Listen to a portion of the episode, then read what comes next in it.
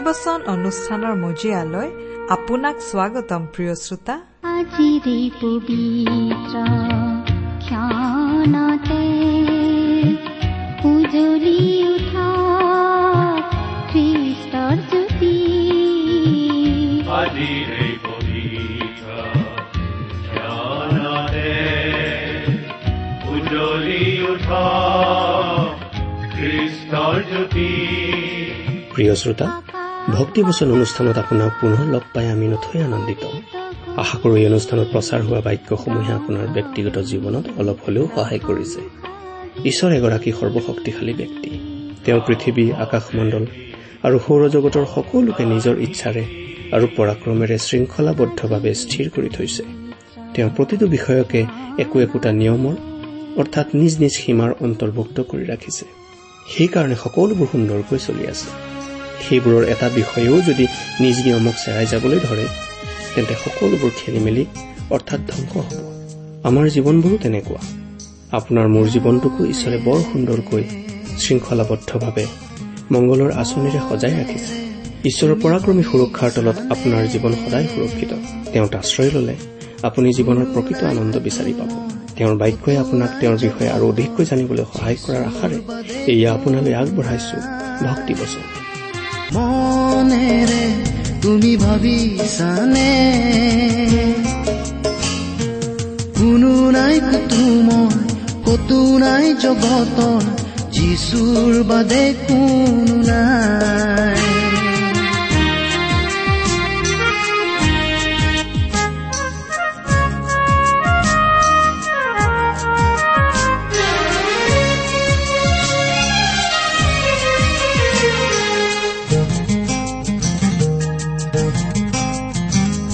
তেজৰ তানে নাৰাখে কাকো প্ৰেমৰ ভাষা নুবুজে কোনো নুশুনে কোনো হিয়াৰ কান্দোন নুবুজে চকুলোৰ কোনো এমূল কাহত তোমাৰ যিচুৰ বাদে কোনো নাই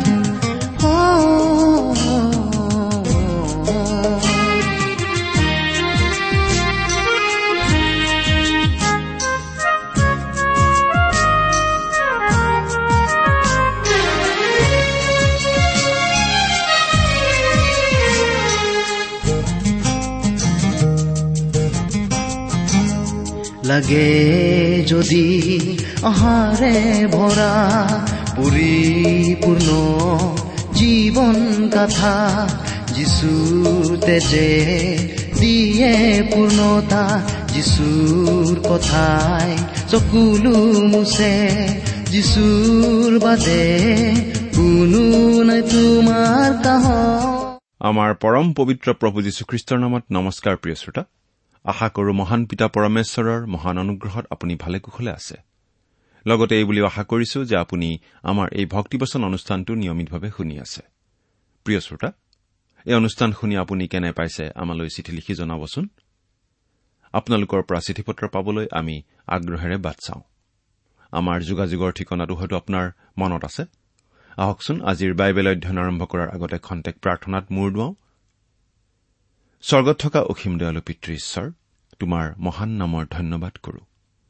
তুমি মহান তুমি কৰুণাময় তুমি অনুগ্ৰহৰ আকৰ। তোমাৰ অনুগ্ৰহতেই আজি আমি প্ৰভু যীশুত বিশ্বাস কৰি পৰিত্ৰাণ পাব পৰা হৈছো তোমাক পিতৃ বুলি মাতিব পৰা হৈছো। তুমি আমালৈ যিমান অনুগ্ৰহ দেখুৱাইছা তাৰ বাবে তোমাক ধন্যবাদ দি আমি শেষ কৰিব নোৱাৰো। এতিয়া প্ৰাৰ্থনা কৰিছো তোমাৰ মহান বাক্য বাইবেল শাস্ত্ৰৰ যোগেৰে তুমি আমাক কথা কোৱা। তোমাৰ মাত আমাক শুনিবলৈ দিয়া। কিয়নো এই প্ৰাৰ্থনা আমাৰ মহান ত্ৰাণকৰ্তা প্ৰভু যীশুখ্ৰীষ্টৰ নামত আগবঢ়াইছো।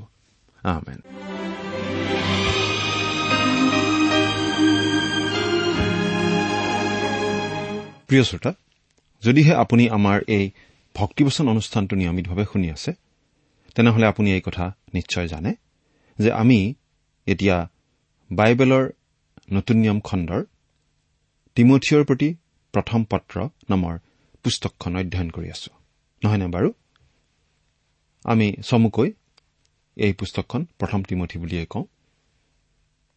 যোৱা অনুষ্ঠানত আমি এই প্ৰথম তিমঠি পুস্তকৰ দুই নম্বৰ অধ্যায়ৰ পাঁচ নম্বৰ পদলৈকে পঢ়ি আমাৰ আলোচনা আগবঢ়াইছিলো। নহয়নে বাৰু? গতিকে আজিৰ অনুষ্ঠানত আমি এই প্ৰথম তিমঠি নামৰ পুস্তকখনৰ দুই নম্বৰ অধ্যায়ৰ ছয় নম্বৰ পদৰ পৰা আমাৰ আলোচনা আৰম্ভ কৰিব খুজিছো। এই প্ৰথম তিমঠি পুস্তকখন হৈছে বাছনি পৌলে তেওঁৰ বিশ্বাসৰ পুত্ৰ তিমঠিলৈ লিখা প্ৰথমখন চিঠি। এই চিঠিৰ মাজেৰে খ্ৰীষ্টীয় মণ্ডলীৰ পৰিচালনাৰ বিষয়ে আমি অনেক প্ৰয়োজনীয় কথা শিকিব পাৰো। লগতে আমাৰ খ্ৰীষ্টীয় বিশ্বাসৰ জীৱনৰ বাবে প্ৰয়োজনীয় শিক্ষাও পাওঁ।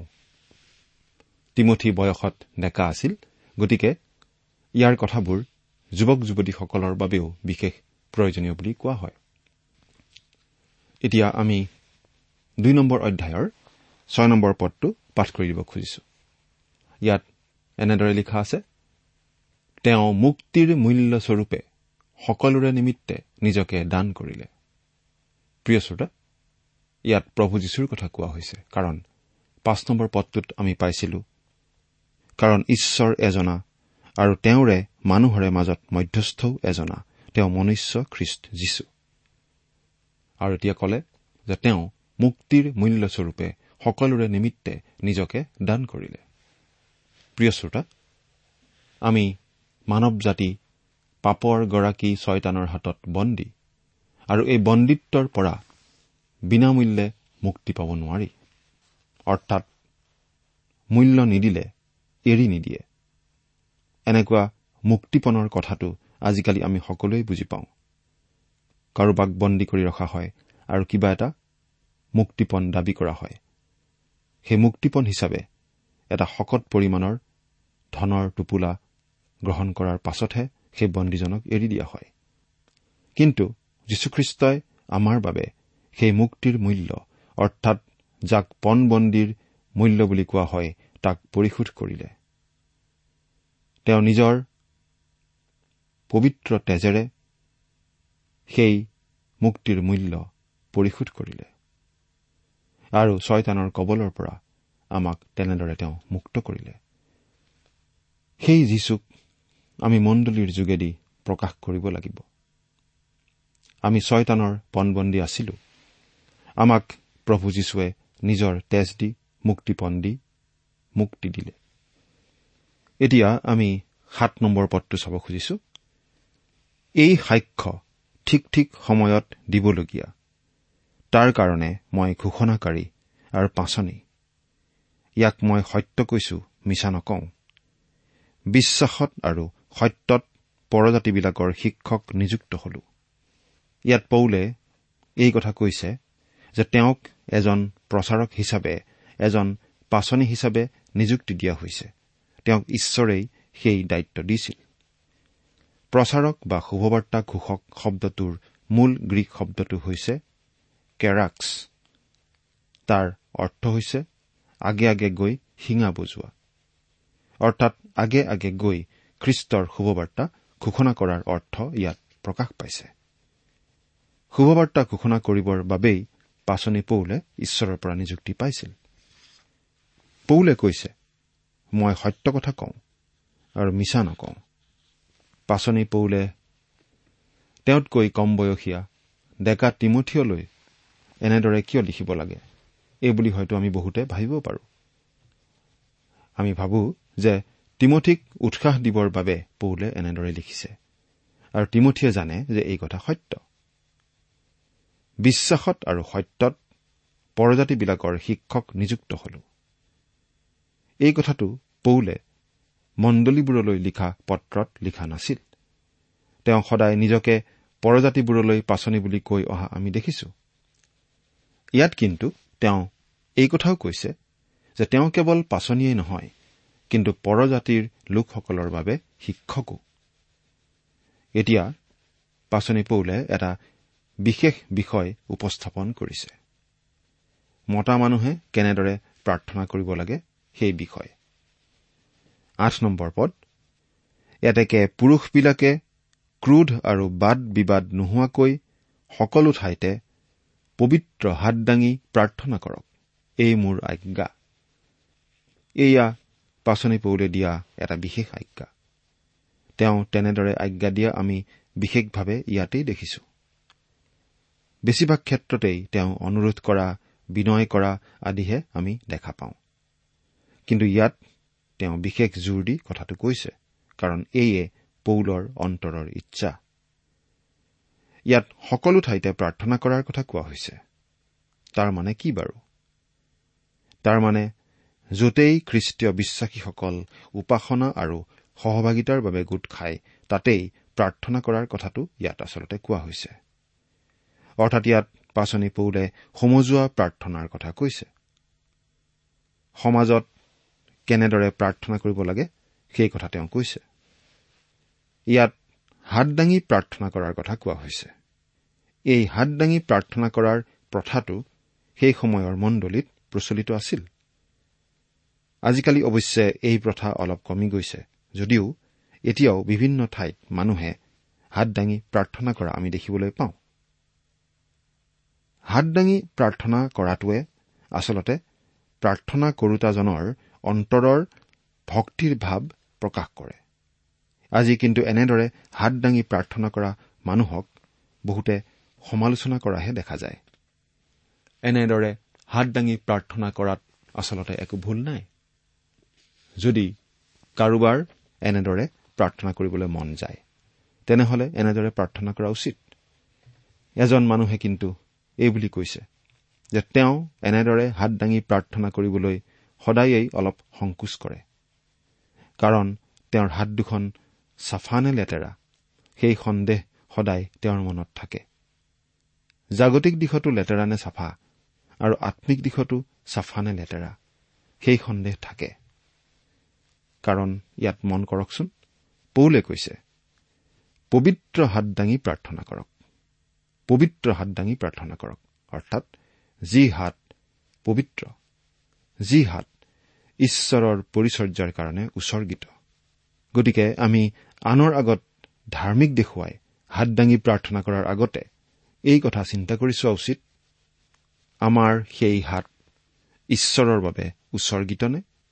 সেই হাত পবিত্ৰনে? প্ৰাৰ্থনা কৰোতে কেনেদৰে কৰিব লাগে? ক্ৰোধ আৰু কোনো বাদ বিবাদ নোহোৱাকৈ। তাৰমানে কি? ক্ৰোধ নোহোৱাকৈ মানে সকলো পাপ স্বীকাৰ কৰা হোৱাকৈ। পাপ স্বীকাৰ কৰি। আপুনি অন্তৰত কোনো খং ভাৱ লৈ কাৰোবাৰ প্ৰতি কোনো তিক্ততাৰ ভাৱ লৈ নাইবা পাপ স্বীকাৰ নকৰাকৈ প্ৰাৰ্থনা কৰিব নোৱাৰে কৰাটো উচিত নহয়। পাপ স্বীকাৰ কৰি নাইবা সকলো ক্ৰোধ সামৰিহে আপুনি প্ৰাৰ্থনালৈ অহা উচিত। কোনো বাদ বিবাদ নোহোৱাকৈ। আমি ইব্ৰী এঘাৰ নম্বৰ অধ্যায়ৰ ছয় নম্বৰ পদত এনেদৰে পঢ়িবলৈ পাওঁ। পাঠ কৰি দিছো। ইব্ৰী এঘাৰ নম্বৰ অধ্যায়ৰ ছয় নম্বৰ পদ। কিন্তু বিনা বিশ্বাসেৰে ঈশ্বৰক সন্তুষ্ট কৰা অসাধ্য। কিয়নো ঈশ্বৰ যে আছে আৰু তেওঁ যে তেওঁক বিচৰা লোকৰ পুৰস্কাৰ দিওঁতা হয় ইয়াকে তেওঁৰ ওচৰলৈ চপা মানুহে বিশ্বাস কৰিব লাগে। আমি যেতিয়া ঈশ্বৰৰ ওচৰলৈ প্ৰাৰ্থনাৰে আহোঁ আমি বিশ্বাসেৰে আহিব লাগে। আজি আমি দেখিবলৈ পাওঁ যে প্ৰাৰ্থনা সভাবিলাকত খুব কম মানুহ উপস্থিত হয়। তাৰমানে আচলতে মানুহবোৰৰ মাজত বিশ্বাসৰ অভাৱ। ঈশ্বৰে যে তেওঁলোকৰ প্ৰাৰ্থনা শুনে আৰু সেই প্ৰাৰ্থনাৰ উত্তৰ দিয়ে সেই কথা তেওঁলোকে বিশ্বাস নকৰে। আমাৰ প্ৰাৰ্থনা সভাবোৰ যে কেতিয়াবা ইমান আমনিদায়ক হয় অতি গতানুগতিক হয় তাৰ কাৰণ এইটোৱেই। বিশ্বাসৰ অভাৱ। যিসকলে পাপ স্বীকাৰ কৰিছে যাৰ অন্তৰত কোনো তিক্ততা নাই যিসকলৰ হাত ঈশ্বৰৰ পৰিচৰ্যাৰ বাবে উচৰ্গিত এনে মানুহে যেতিয়া ঈশ্বৰৰ প্ৰতি বিশ্বাসেৰে প্ৰাৰ্থনা কৰে তেতিয়া প্ৰাৰ্থনা সভা আমনিদায়ক হ'ব নোৱাৰে। স্থানীয় মণ্ডলীত তিৰোতাৰ প্ৰাৰ্থনা। আৰু সাজ পোছাক কেনে হোৱা উচিত? সেই বিষয়ে পৌলে কৈছে আচলতে স্থানীয় মণ্ডলী যে কেৱল তিৰোতাৰ দ্বাৰা পৰিচালিত হ'ব লাগে আৰু সকলো কাৰ্য যে তিৰোতাৰ দ্বাৰা কৰা হ'ব লাগে এনে নহয়। আনহাতে মণ্ডলীত যে তিৰোতাৰ কোনো স্থান নাই বা তেওঁলোকে একো কৰিব নোৱাৰে তেনেও নহয়। ঈশ্বৰৰ বাক্যত আমি দেখা পাওঁ যে ঈশ্বৰে ডবোৰা ৰাণী ইষ্টেৰ ৰুথ মৰিয়ম ইত্যাদিৰ দৰে তিৰোতাক ব্যৱহাৰ কৰিছে। কিন্তু ৰোমান সাম্ৰাজ্যত তিৰোতাই এক বিশেষ স্থান অধিকাৰ কৰিছিল। আৰু মূৰ্তি পূজকৰ ধৰ্মবিলাকত নাৰী চৰিত্ৰ এক অংশ আছিল। উদাহৰণস্বৰূপে কৰিণ্ঠত এফ্ৰডাইট দেৱীৰ পূজা প্ৰচলিত আছিল। সেই মন্দিৰত হাজাৰমান অবিবাহিতা গাভৰু আছিল। আৰু তাতেই জগতৰ আটাইতকৈ জঘন্য বেভিচাৰ আৰু বেশ্যাকৰ্ম চলিছিল। বেশ্যাকৰ্মক তেওঁলোকে ধৰ্ম বুলি মানিছিল আৰু মন্দিৰত থকা হাজাৰমান গাভৰু বেশ্যাৰ বাহিৰে আন একো নাছিল আৰু দীঘল আৰু খোলা চুলি তেওঁলোকৰ চিনাকি আছিল। এই প্ৰসংগতেই ঈশ্বৰে কৈছিল যে তিৰোতাৰ মূৰ ঢকা হ'ব লাগে। যাতে মন্দিৰত ধৰ্মৰ নামত বেশ্যাকৰ্ম কৰাসকলৰ লগত ঈশ্বৰ ভক্ত তিৰোতাসকলৰ সম্পৰ্ক নঘটে। আনহাতে তিমঠিয় যেতিয়া ইফিছত আছিল তেতিয়া তাতো মানুহে ডায়েনা দেৱীৰ উপাসনা কৰিছিল আৰু ডায়েনাৰ মন্দিৰত তিৰোতাই পুৰোহিত্য কৰিছিল। এইবিলাক ৰহস্যপূৰ্ণ ধৰ্মৰ লগত বেভিচাৰ জড়িত আছিল। সেইকাৰণে খ্ৰীষ্টীয় তথা স্থানীয় মণ্ডলীত ৰাজহুৱা প্ৰাৰ্থনা গীৰ্জা উপাসনা ইত্যাদিত যাতে বেভিচাৰ প্ৰৱেশ কৰিব নোৱাৰে সেইবাবে পৌলে তিমঠিয়লৈ এই পত্ৰখনত লিখিছিল। ন আৰু দহ নম্বৰ পদ। সেইদৰে তিৰোতাবিলাকে সুলাজ আৰু সুবোধেৰে সৈতে পৰিপাতি পোছাকেৰে নিজক ভূষিত কৰক। চেলা বটা চুলি সোণ মুকুতা আৰু বহুমূল্য বস্ত্ৰেৰে নহয় কিন্তু ঈশ্বৰ ভক্তি স্বীকাৰ কৰা তিৰোতাবিলাকৰ যোগ্য সৎকৰ্মেৰে ভূষিত কৰক। এই পদ দুটিয়ে স্থানীয় মণ্ডলীত তিৰোতাৰ স্থানৰ বিষয়ে স্পষ্ট শিক্ষা দিব যদিহে আগৰ প্ৰসংগটো আমি মনত ৰাখো। সেইদৰে পৌলে ইয়াৰ আগৰ পদত কৈছিল মানুহবোৰে সমাজত কেনেদৰে প্ৰাৰ্থনা কৰিব লাগে? সেই কথা। আৰু এতিয়া তেওঁ কৈছে মহিলাসকলে কেনেদৰে প্ৰাৰ্থনা কৰিব লাগে সেই কথা। এই কথা মন কৰক যে পৌলে ইয়াত মহিলাসকলে প্ৰাৰ্থনা কৰিব লাগে বুলি কৈছে। তেওঁলোকে সমাজত প্ৰাৰ্থনা কৰিব পাৰে নে নোৱাৰে সেইটো ইয়াত বিচাৰ্য বিষয় নহয়। কাৰণ মহিলাসকলে সমাজত প্ৰাৰ্থনা কেনেদৰে কৰিব লাগে সেই কথাটো ইয়াত কোৱা হৈছে। অৰ্থাৎ তেওঁলোকক সমজুৱা প্ৰাৰ্থনা কৰাত বাধা নিষেধ দিয়া হোৱা নাই। পৌলে বাহ্যিক অলংকাৰতকৈ ভিতৰুৱা অৰ্থাৎ আন্তৰিক সৌন্দৰ্যতহে গুৰুত্ব দিছে। মহিলাসকলে সমজুৱা প্ৰাৰ্থনা কৰিব লাগে কিন্তু তেওঁলোকে পুৰুষসকলক মাংসিকভাৱে আকৰ্ষিত কৰাৰ উদ্দেশ্যেৰে পোছাক পিন্ধিব নালাগে। আমি বিশ্বাস কৰো যে এগৰাকী মহিলাই যিমান সুন্দৰকৈ পাৰে সিমান সুন্দৰকৈ সাজ পোছাক পিন্ধা উচিত।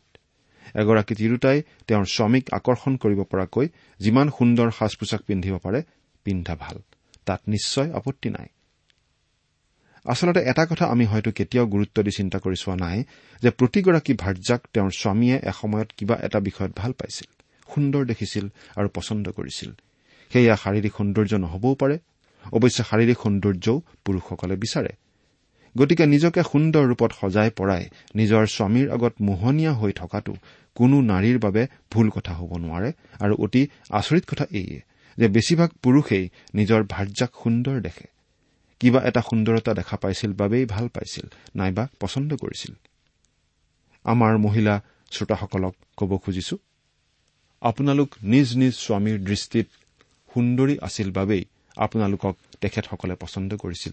এই কথাটো মনত ৰাখি এতিয়াও সুন্দৰকৈ নিজকে সজাই পৰাই ৰখাটো একো ভুল কথা নহয়। আমাৰ কিছুমান শ্ৰোতা হয়তো থাকিব পাৰে যিসকলৰ এতিয়াও বিবাহ হোৱা নাই। আৰু যিসকলে নিজক বেছি সুন্দৰী বুলিও হয়তো নাভাবে কোনোবাই হয়তো ভাবিছে মই বেছি সুন্দৰী নহয় মোকনো কোনে পচন্দ কৰিব? আমি এই ক্ষেত্ৰত এই পৰামৰ্শ দিব খোজো যে ঈশ্বৰে যেতিয়া হৱাক আদমৰ বাবে সৃষ্টি কৰিছিল তেতিয়া হৱাক দেখিয়েই আদমে ভাল পাইছিল পচন্দ কৰিছিল। প্ৰতিগৰাকী হোৱাৰ বাবে একোজন আদম ঈশ্বৰে ৰাখিছে। গতিকে সেই আদমজনে সেই হৱাক দেখি কিবা এটা ভাল পাব? আৰু পচন্দ কৰিব। গতিকে প্ৰতিগৰাকী অবিবাহিতা যুৱতীয়ে নিজৰ আদমজনক পাবলৈ গভীৰ বিশ্বাসেৰে প্ৰাৰ্থনা কৰি থকা উচিত। অৱশ্যে এই কথাও ঠিক যে কোনো কোনো পুৰুষ বা কোনো কোনো মহিলাক ঈশ্বৰে অবিবাহিত বা অবিবাহিতা হৈ থকাটো বিচাৰিব পাৰে। আৰু সেইটোৱেই ঈশ্বৰৰ ইচ্ছা বুলি জানিলে তাকেই গ্ৰহণ কৰি লৈ সন্তুষ্ট মনে থাকিব লাগে। কিন্তু নিজৰ জীৱনসংগী বিচাৰি প্ৰাৰ্থনা কৰাত নিশ্চয় একো বাধা নাই। ভাৰ্যাসকলে নিজৰ স্বামীৰ বাবে আকৰ্ষণীয় হৈ থাকিবলৈ তেনেদৰে সাজপাৰ পিন্ধাটোত ভুল নাই বৰং থকাহে উচিত। কাৰণ তেতিয়া বৈবাহিক জীৱন বেছি ভাল হৈ থাকিব। কিন্তু যেতিয়া ঈশ্বৰৰ গুৰিত প্ৰাৰ্থনা জনাবলৈ যায় তেতিয়া তেনেকুৱা বাহ্যিক অলংকাৰৰ প্ৰয়োজন নাই। কিন্তু আন্তৰিক অলংকাৰৰহে প্ৰয়োজন। যেতিয়া এগৰাকী মহিলাই গীৰ্জাত গীত গাবলৈ যায় নাইবা প্ৰাৰ্থনা কৰিবলৈ নাইবা উপাসনাত যোগ দিবলৈ মাত্ৰ যায় তেতিয়া সেই মহিলাই মনত ৰখা উচিত যে তেওঁৰ আবেদন আৰু আকৰ্ষণীয়তা কেতিয়াও মাংসিক হ'ব নালাগে। তেওঁ কেৱল ঈশ্বৰকহে সন্তুষ্ট কৰিবলৈ চাব লাগে আৰু মাংসিক আকৰ্ষণৰেও কেতিয়াও ঈশ্বৰক সন্তুষ্ট কৰিব নোৱাৰি। সেই সময়ত প্ৰচলিত কিছুমান ধৰ্ম ব্যৱস্থাত বিশেষকৈ ৰোমিয়া আৰু গ্ৰীক ব্যৱস্থাত এনে মাংসিক আবেদনৰ প্ৰচলন আছিল।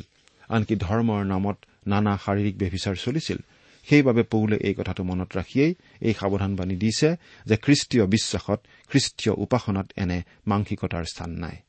তিৰোতাবিলাকৰ ভূষণ কি হ'ব লাগে সেইটো ইয়াত জনাই দিয়া হৈছে। সুলাজ লজ্জা নাৰীৰ ভূষণ বুলি কোৱা হয়। নীলাজ নাৰীৰ প্ৰতি কোনো পুৰুষ আকৰ্ষিত নহয়। মুখত অশ্লীল অবাইচ মাত থকা কোনো মহিলা আপুনি বাৰু লগ পাইছেনে? তেনে তিৰোতাৰ প্ৰতি আন মানুহৰ মনোভাৱ কেনে? সুবোধ। কামবোৰ ভাবি চিন্তি কৰিবলৈ শিকিব লাগে। বোধ মানে জ্ঞান। ঈশ্বৰৰ পৰা পোৱা জ্ঞানৰ দ্বাৰা পৰিচালিত হৈহে পোছাক পিন্ধিব লাগে। তিৰোতা। বাহ্যিক ভূষণেৰে নিজক ভূষিত কৰাতকৈ তিৰোতাবিলাকৰ যোগ্য কৰ্মেৰে নিজক ভূষিত কৰিবলৈহে চাব লাগে। তিৰোতাবিলাকৰ যোগ্য কৰ্মনো কি? এই বিষয়ে তিৰোতাবিলাকে অলপ ধ্যান কৰিলেই বুজি পাব। তিৰোতাসকলৰ ভূষণ হ'ব লাগে তিৰোতাৰ যোগ্য সৎকৰ্ম। এঘাৰ আৰু বাৰ নম্বৰ পদ। ইয়াত আমি এনেদৰে পাওঁ তিৰোতা মানুহে সকলোভাৱে বশৱৰ্তী হৈ শান্তভাৱে শিক্ষা লওক। শিক্ষা দিবলৈ বা পুৰুষৰ ওপৰত ক্ষমতা চলাবলৈ মই তিৰোতাক অনুমতি নিদিওঁ। এই পদ দুটাৰ কথা আলোচনা কৰোতে আমি এইটো মনত ৰখা উচিত যে এইটো শাস্ত্ৰৰ তত্বমূলক শিক্ষা দিয়াৰ ক্ষেত্ৰত কোৱা হৈছে। তদুপৰি পাচনি পৌলৰ দিনত প্ৰচলিত কিছুমান ভুৱা ধৰ্ম ব্যৱস্থাত মহিলাসকলেই আগভাগ লৈ যৌন ব্যভিচাৰত অংশ লৈছিল। গতিকে মহিলাসকলক নিয়ন্ত্ৰণত ৰখাটো প্ৰয়োজনীয় আছিল। পাচনি পৌলে মহিলাসকলক পৰভাষাত কথা কোৱাৰ ক্ষেত্ৰতো এনেদৰে কৈছিল। প্ৰথম কৰিন্ঠিয়া চৈধ্য নম্বৰ অধ্যায়ৰ চৌত্ৰিশ নম্বৰ পদ। যেনেকৈ পবিত্ৰ লোকৰ সকলো মণ্ডলীত তেনেকৈ তোমালোকৰ মণ্ডলীবিলাকতো তিৰোতা মানুহে নিজম দি থাকক কিয়নো কথা কবলৈ তেওঁলোকক দিয়া নাযায় কিন্তু তেওঁলোক বশীভূত থাকক বিধানেও সেইদৰেই কয়। তেৰৰ পৰা পোন্ধৰ নম্বৰ পদ পাঠ কৰি দিম। কিন্তু শান্তভাৱে থাকিবলৈ দিওঁ কিয়নো প্ৰথমে আদম পাছতহে হৱাক নিৰ্মাণ কৰা হৈছিল। আৰু আদমক ভুলোৱা নহল কিন্তু তিৰোতাক ভুলোৱা হলত অপৰাধত পৰিল। তথাপি তেওঁ সন্তান প্ৰসৱৰ দ্বাৰাই পৰিত্ৰাণ পাব কিন্তু সুবোধেৰে সৈতে বিশ্বাস প্ৰেম আৰু পবিত্ৰতাত থাকিলেহে পাব। প্ৰথমতে পাপত পতিত হৈছিল হৱা। হৱাৰ পাপৰ পৰাহে আচলতে মানৱ জাতিলৈ পাপ আহিল। আৰু এতিয়া এগৰাকী মহিলাই যেতিয়া সন্তান প্ৰসৱ কৰে তেওঁ এই পৃথিৱীলৈ আন এজন পাপীৰ আগমন ঘটায়। এই পৃথিৱীলৈ এগৰাকী মহিলাই তাকেই আনিব পাৰে। কিন্তু আন এগৰাকী মহিলাৰ কথা আমি এতিয়া মনত পেলাব লাগিব। সেইগৰাকী মহিলা ধন্যা কোন বাৰু? আপুনি নিশ্চয় অনুমান কৰিব পাৰিছে। আমি ক'ব খুজিছো কুমাৰী মৰিয়মৰ কথা। কুমাৰী মৰিয়মৰ যোগেদি এই পৃথিৱীলৈ প্ৰভু যীশু আহিল। মানৱ জাতিৰ ত্ৰাণকৰ্তা আহিল। গতিকে মহিলা আজি কেনেদৰে পৰিত্ৰাণ প্ৰাপ্ত হয়? সন্তান প্ৰসৱ কৰাৰ দ্বাৰা। কাৰণ মৰিয়মে সেই সন্তান প্ৰসৱ কৰাৰ ফলতেই আমাৰ সকলোলৈকে পৰিত্ৰাণ আহিল। আমি মহিলাই এই জগতলৈ পাপ আনিলে বুলি কৈ এই কথা কবলৈ পাহৰি যাব নালাগে যে মহিলাই এই জগতলৈ পাপৰ পৰা পৰিত্ৰাণৰ উপায়ো আনিলে। পৰিত্ৰাণ মহিলাৰ প্ৰসৱৰ যোগেৰেই আহিল। মৰিয়মৰ যোগেদি আমালৈ পাপৰ পৰিত্ৰাতা প্ৰভু যীশু আহিল। কোনো পুৰুষে আমাক পৰিত্ৰাতা আনি দিব পৰা নাছিল কিন্তু মহিলাই আনি দিলে। অৱশ্যে পৰিত্ৰাতা প্ৰভু যীশু পুৰুষ আছিল। অৱশ্যে মহিলাসকলেও আজি প্ৰভু যীশুত বিশ্বাস স্থাপন কৰাৰ দ্বাৰাইহে পৰিত্ৰাণ পায় যেনেকৈ পুৰুষসকলে পায়। মহিলাসকলেও পুৰুষৰ দৰে প্ৰেম আৰু পবিত্ৰতাত বৃদ্ধি পোৱা উচিত। প্ৰিয় শ্ৰোতা প্ৰভু যীশুখ্ৰীষ্ট পুৰুষ মহিলা গ্ৰীক জিহুদী পৰজাতি দাস স্বাধীন সকলো ধৰণৰ লোকৰ বাবেই সকলো শ্ৰেণীৰ লোকৰ বাবেই পৰিত্ৰতা ঈশ্বৰ আৰু মানুহৰ মাজৰ তেওঁই একমাত্ৰ মধ্যস্থতাকাৰী। তেওঁক বাৰু আপুনি আপোনাৰ জীৱনৰ প্ৰভু আৰু ত্ৰাণকৰ্তা বুলি গ্ৰহণ কৰিছেনে? চিন্তা কৰি চাওকচোন। ঈশ্বৰে আপোনাক আশীৰ্বাদ কৰক। ইমান পৰে আপুনি বাইবেল শাস্ত্ৰৰ পৰা ঈশ্বৰৰ বাক্য শুনিলে। এই বিষয়ে আপোনাৰ মতামত জানিবলৈ পালে আমি নথৈ আনন্দিত হ'ম। আমি প্ৰস্তুত কৰা বাইবেল অধ্যয়নৰ চিডিসমূহ পাব বিচাৰিলে আৰু অনুষ্ঠানত প্ৰচাৰ কৰা কোনো কথা বুজিব লগা থাকিলেও আমালৈ লিখক। আমাৰ যোগাযোগৰ ঠিকনা ভক্তিবচন ট্ৰান্সৱৰ্ল্ড ৰেডিঅ' ইণ্ডিয়া ডাক বাকচ নম্বৰ সাত শূন্য গুৱাহাটী সাত আঠ এক শূন্য শূন্য এক। ঠিকনাটো আকৌ এবাৰ কৈছো ভক্তিবচন ট্ৰান্সৱৰ্ল্ড ৰেডিঅ' ইণ্ডিয়া ডাক বাকচ নম্বৰ সাত শূন্য গুৱাহাটী সাত আঠ এক শূন্য শূন্য এক। আমাৰ ইমেইল এড্ৰেছটো হৈছে Assamese T TV at the rate radio' eight eight two dot com. আমাৰ website W W W dot T W R dot in. আপুনি টেলিফোনৰ মাধ্যমেৰেও আমাক যোগাযোগ কৰিব পাৰে। আমাৰ টেলিফোন নম্বৰটো হৈছে nine eight five four zero' four zero' eight eight nine. Phone নম্বৰটো আকৌ এবাৰ কৈছো ন আঠ পাঁচ চাৰি শূন্য চাৰি শূন্য আঠ আঠ ন। আপুনি এই ভক্তিবচন অনুষ্ঠানটি আমাৰ website W W W dot radio' eight eight two dot কমতো শুনিব পাৰিব। আজিৰ অনুষ্ঠানটি ইমানতেই সামৰিছো। ঈশ্বৰৰ শান্তি আৰু অনুগ্ৰহ আপোনাৰ লগত থাকক। ধন্যবাদ।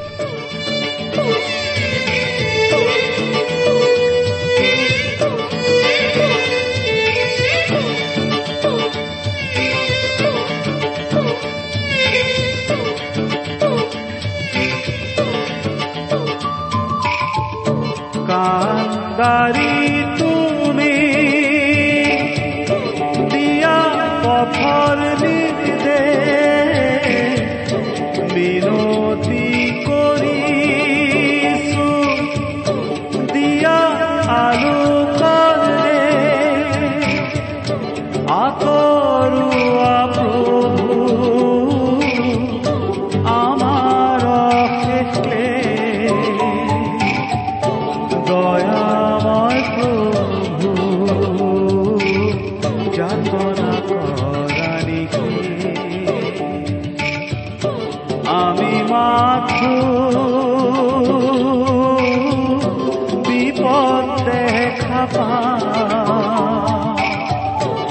আমি মাত্র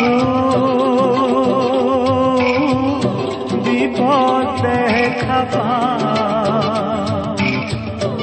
অতীত ভবিষ্যৎ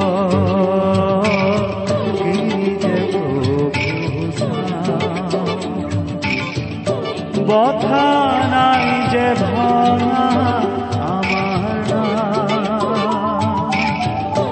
নাম। বথা নাই যে ভাঙা